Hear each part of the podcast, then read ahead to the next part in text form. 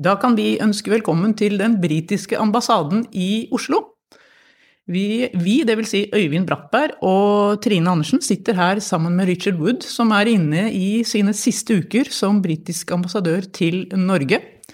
Richard har vært eh, gjest i Podbritannia tidligere. Da hadde han vært eh, i Norge i et par år, og vi var nysgjerrig på å høre hvordan hele ambassadørperioden har forløpt. Litt om de store sakene han har hatt å håndtere, men også om hans inntrykk av Norge og norsk kultur. Well, thank you very much for having me. I mean, your last week, I think, is traditionally a time for reflection. So I am in the mood for looking back on my whole time here uh, and uh, reflecting on how I found both the job and uh, living in Norway. We shall never surrender. The pride in who we are is not a part of our past. It defines our present and our future. The people of Scotland have spoken. England, Scotland, Wales, Northern Ireland, together, taking us forward, unleashing the potential of the whole country. Order! So if it's, it's, okay with you, Richard, I'll ask the questions in Norwegian and you may answer in Norwegian or English or whatever you prefer, if that's okay with you. That's definitely okay with me, and I apologize for not speaking Norwegian today. Oh, we know you speak Norwegian. Excellent Norwegian, so that's okay. Uh, det jeg vil gjerne spørre deg om først, Richard, det var noe vi, vel også du og Øyvind snakket om i den podkasten dere gjorde da du hadde vært der i, i, to år, og det var litt om de forventningene du hadde da du, du landet på Gardermoen da for, for fem, fem år siden. Og, og det inntrykket du sitter igjen eh, av Norge i dag, altså er, det, er det noe som har overrasket deg positivt, negativt? Altså, hva slags inntrykk har du av Norge og, og vi, oss som bor her? Well, actually, after so long here, it's very hard to remember what my initial yeah. expectations were because I think you evolve your expectations to fit what you find. And that's a really good thing, of course, because you are better able to navigate the course as ambassador and a resident of Norway if you uh, if you are prepared to uh, process the things that you see and feel and hear. Um, and so it's I can't really remember what I thought I would find, um, but what I have found is um, a society that is uh, perhaps slightly different than most British people imagine. Uh, they think it's the same as uh, the UK, just uh, colder and more friendly. yeah. Uh, of course, it isn't that. Norway has its own history, its own um, complex cultural uh, uh, situation, and um, that has forged a, a, slightly different society, a different way of doing things than we have in the UK. Men er det noe som har, har overrasket deg i positiv retning? Um, I think that um, British people can't help but be surprised and amazingly uh, impressed, obviously, by Norwegian nature. And you knew I would talk about that. yeah. I come from Norfolk, which is the flattest county in England. And to come and live in a place like Norway with majestic mountains and fjords, that really is surprising. I've never seen anything like that in my life. And I think that geography and Norway's history has created uh, the set of circumstances in which Norwegians live these days. There are many things like the old isolation of coastal towns in Norway, where that kind of attitude continues a little bit today, and you get local economies, you get local attitudes, and very different dialects, of course. So, what I've been interested to find out is how Norway's um, history and its geography uh, really affect um, the way Norwegians think and act today. Har du funnet svaret? Uh, I think in many ways I have. Uh, a lot of the work that we've done on uh, has been on energy, and I'm sure we'll come back to that. But for example, in energy policy, there is a real historical uh, vein running through Norwegians' attitudes to uh, to energy. For us, it's a commodity, and we'll buy it where we can get it. Right? I mean, that's the hmm. British mm. attitude to energy.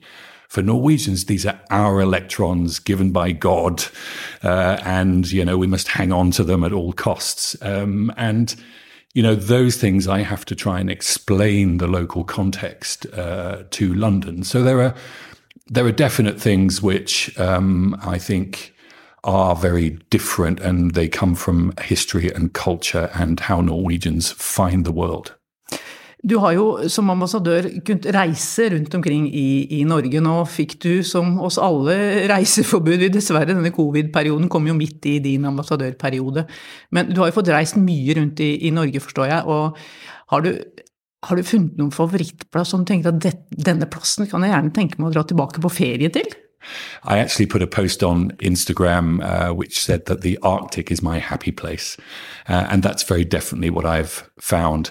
Um, you know, obviously, Lofoten is just the most uh, beautiful place on earth. Um, but I think if I could live in any Norwegian city, it would be uh, Tromsø. Uh, I really love it there. I find it has a great energy. Uh, and the people in the north are incredibly pragmatic. They have to because of the conditions, right? They just get on with life uh, and take it as they find it. Um, and I've traveled a lot in Finnmark and uh, Troms, and um, that really is uh, just an amazing area of the country. Det er jo fascinerende, for det er veldig veldig langt unna det du kommer fra, som du sier. Jeg har selv vært i Norfolk. Det er ikke mange likheter der. No, and I, you know, I think the um, the darkness. Well, actually, not the darkness. The light would trouble me uh, all summer. I, I, even in Oslo, I find it difficult to uh, sleep in summer. so I think that would be a problem in Tromsø. But people tell me you adapt. Du, du, får, prøve, du får prøve en vinter kanskje i, Tromsø, da, og se hvordan hvordan du takler mørketid. Uh, yeah, I don't think the mørketid would uh, trouble me much. You can always. No light a few candles mer, in the fire. Mer midnattssolen yeah, og det aldri, aldri blir mørkt. Ja, yeah. ja, nettopp. Men du, kultur. Eh, jeg intervjuet deg eh, da du hadde bare vært eh, ambassadør her noen uker til nettstedet vårt, britiskpolitikk.no. Da husker jeg vi snakket litt om Ibsen, og vi snakket også om at du håpet du fikk tid til å lese litt moderne norsk litteratur. Har det blitt tid til det, sånn som du hadde ønsket deg? Well, some. And actually, uh, I was shamed into reading a couple of books by uh, Knausgård because uh, I did an event where I went on a jeg gikk på tur med ham ja vel, uh, i skogen uh, for an event on ja. the Future Library. So, um, yes, I have tried a little, but actually the job is uh, slightly fuller than uh, perhaps I anticipated. So, uh, very little time. But one thing on the culture that I found, and one thing that did surprise me, is how much Norwegians know about British culture yeah. and British politics. And, uh, well, largely thanks to you guys, they know a lot about British politics. But, um, uh, just how how much Norwegians follow um, what goes on in the UK. They have an almost instinctive understanding of uh, the UK, and that really did surprise me. Men hvor viktig er et kultursamarbeid, uh, som, som da er jo et kultursamarbeid mellom Norge og, og, Storbritannia? Akkurat nå så spilles jo faktisk Strindberg på norsk i, i London, gjestespill fra Nationaltheatret. Det er jo ikke så ofte det skjer, men hvor viktig er disse kulturelle forbindelsene? I think they are incredibly important because they help you to add nuance and color to your um, understanding of another culture. And we can do as much government to government and business to business work as we can but a relationship won't feel real and it won't sustain itself unless there is also a strong people to people element to that relationship. And culture forms a really important basis for that work. Also, education. So I've worked to try and keep education links going between uh, the UK and Norway because those relationships last for life. Uh, and they um, give a certain cultural understanding. Nå eh, skal vi gå over til litt mer politiske ting her, og da tror jeg jeg skal overlate ordet til, til Øyvind. Ja. Det er eh, kjempefint. Tusen takk for det, Trine. Det er mye man kan reflektere over etter, etter fem år. Eh, og jeg har lyttet litt tilbake til eh, intervjuet vi gjorde med deg også i, i 2020, og hva du, hva du snakket om, uh, om, den gang. Og et helt åpenbart tema fra de første to årene var, var, brexit. Så mye startet med overskriften brexit, og du ankom på, en, på, et vis, om ikke under en mørk sky, så i alle fall i en tid som var veldig preget av noise and confusion eh, over, over, brexit. Og også i en tid hvor, hvor mange mente at den diplomatiske eliten og det, the establishment som sådan var skeptiske til hvordan man kunne gjennomføre brexit, og om Storbritannia kunne lykkes utenfor EU. Og I intervjuet med deg den gang så, så understreket du veldig at visst skulle man få dette til, visst skulle det bli, bli bra, og det bilaterale forholdet med Norge skulle også bli aldeles utmerket etter at alle forhandlinger var i havn. Så mitt spørsmål til deg nå er are we all right by now? I should have read back that interview, right? I mean, I think I was right, wasn't I? I mean, there was a lot of noise and theater around Brexit, and it was very difficult. But I also, I think, said at the time that we should expect that. That was the biggest decision uh, any society has made uh, for generations uh, in the UK. So uh, it was natural that there were those difficulties in coming to a settled place, uh, both internally and with the uh, EU. And I think what you see now is, I hope, what I predicted that we could get that relationship into a place that is really looking forwards and not backwards. So we agreed a free trade agreement between the UK and uh, Norway, which is the most progressive free trade agreement anywhere in the world. Uh, and that is that was natural to me that we should be able to do that because of our instinctive understanding of each other and a, a need to see the future together. So um, yes, I, I um, it was a difficult period to get through, but uh, very definitely I saw that there were positive times ahead if we could get everybody to focus on what we wanted for the future uh, and to chart a course to get there. Mm. I arbeidet med, med, brexit som ambassadør og overfor Norge og det norske samfunnet, har du vært mest engasjert i hva skal man si, de storpolitiske high politics-spørsmålene? Eller har du vært vel så mye opptatt av eh, på, på, statsborgerlig nivå for, for, vanlige nordmenn og vanlige briter, hvordan man skal forholde seg til hverandres land, og hvordan man skal få ting til å fungere et, et, etter brexit? I think uh, it was necessary to operate at all. I was less interested, if I'm honest, in some of the kind of grand political high politics uh, of Brexit. I saw that for my job um, and to trying to get the uh, relationship onto a positive footing for the future, mm. what I needed to talk about with people was solutions. Uh, and to show them that we were focused on trying to get solutions to all of the things that they raised as potential problems from Brexit. Um, and that I think is, we largely succeeded uh, in that. So I'm talking mainly about businesses, about detailed policy um, positions with organizations, but I'm also talking about ordinary people.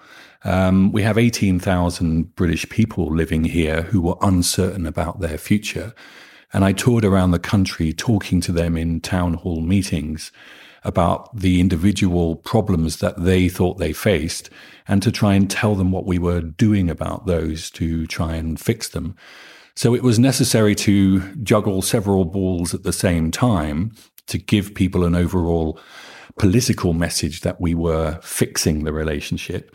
Um, but also to deal with the issues um, that people were concerned about, both on a business level and on a personal level. da vi skulle Da jeg iallfall skulle forsøke å tenke tilbake på din eh, periode og samle det i noen stikkord, så var det lett å skrive ned eh, brexit, og det var også naturlig å føye til pandemi og, og krig. Ukraina-krigen eh, som har preget det siste året. Pandemien orker vi ikke å snakke noe mer om, det har ikke jeg tenkt til i alle fall. Men eh, krigen i Ukraina og dette, dette siste året har åpenbart også hatt betydning for Storbritannia-Norge-relasjonen, og har gitt en, en sterkere militær, sikkerhetspolitisk eh, dimensjon. Um, kan du utdype det litt, og kanskje særlig med tanke på, på besøket i fjor høst HMS eh, Elizabeth kom til, til Oslo. Det var enorm oppmerksomhet omkring det norsk-britiske forsvarssamarbeidet. Det, kan, kan, du utdype litt hvordan det har forandret seg i løpet av denne, denne tiden?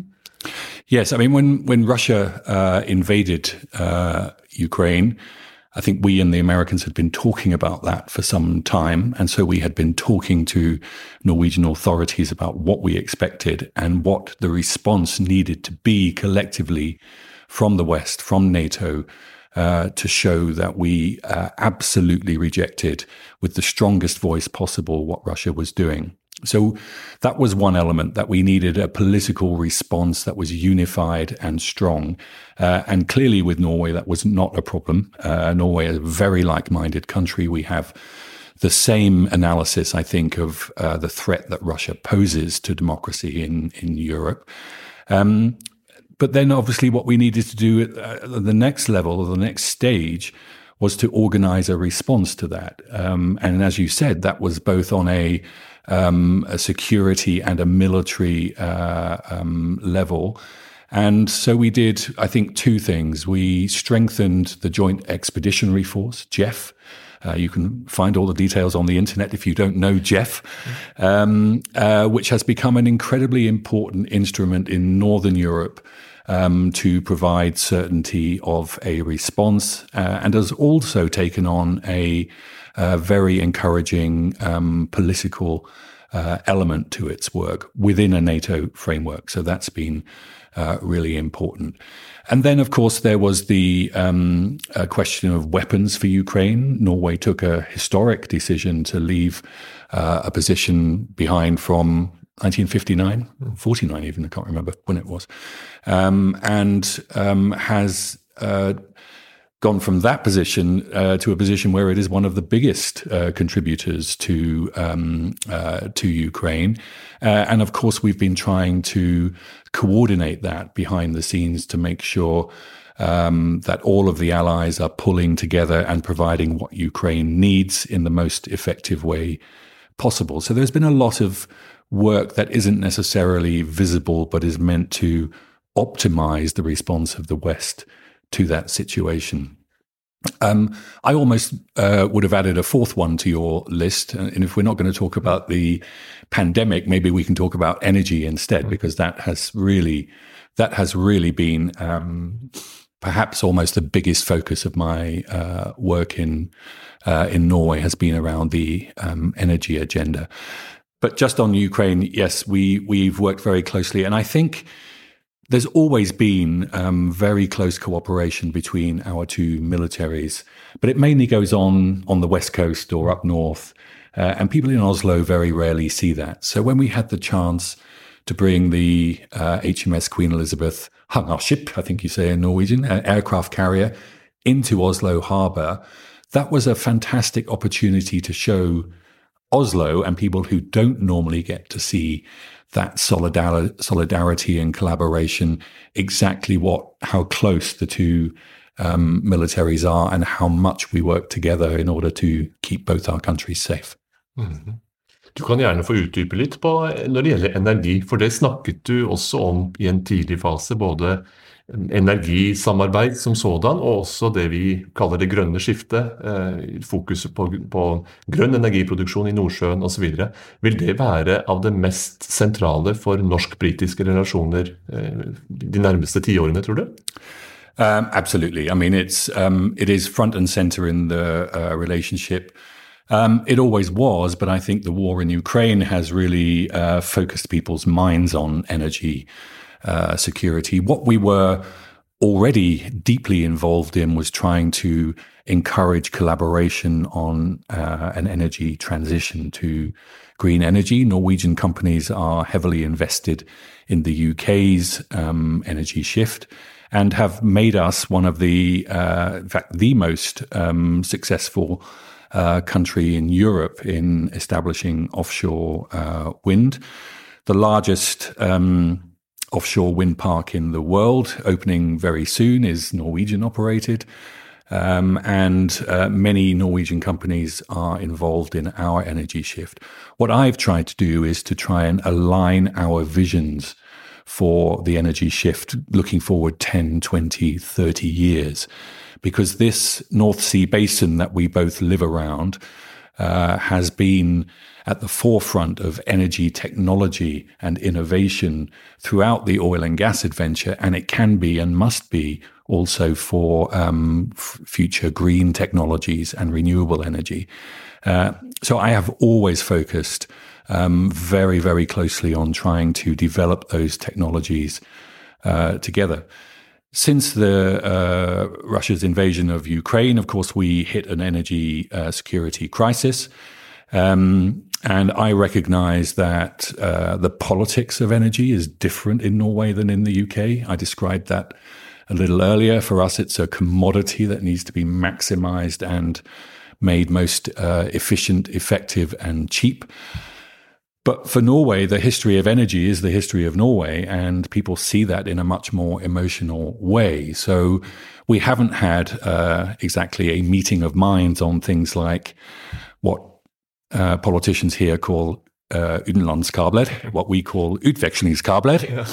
uh, because that is in fact what they mm. do. And as the UK gets more energy rich from our offshore wind and Norway gets more energy poor because of the extra demand for electricity, there will be more and more and more utveksling rather than uh, rather than export. So I think that absolutely um, uh, integrated uh, views of an energy grid must be the future for energy in Europe, particularly between our two countries. So, if I have played a small part in trying to edge that uh, debate forward, then that would make me happy.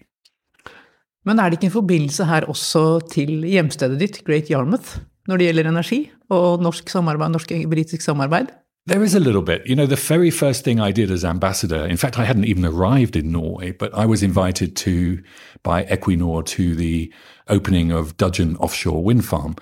Uh, and they said to me, it's in this funny little place called Great Yarmouth. I don't know if you've heard of it. And I said, mm. well, funnily enough, I have. I grew up there. Um, so yes, you know, down the whole east coast of um, of England and Scotland, you see Norwegian um, British uh, cooperation, collaboration, skills, innovation centers, uh, and a huge move to offshore um, technology. So it is an, a very encouraging person, uh, a very encouraging thing, especially for a person that comes from the East Coast. Når det gjelder det, norsk-britiske, uh, så er det en vanlig oppfatning blant oss som eh, forsøker å spre inf informasjon og entusiasme om, om, Storbritannia, så er det en vanlig oppfatning at den litt eldre generasjonen har en langt større innebygget både interesse for og engasjement for, for det britiske. Altså generasjoner litt eldre enn en min. Samtidig så har jeg, jeg har sett deg i møte med norske skoleelever med en forbløffende eh, både entusiastisk og egalitær innstilling. Og, og eh, der, var, der, var, det stor interesse og stor, stor begeistring.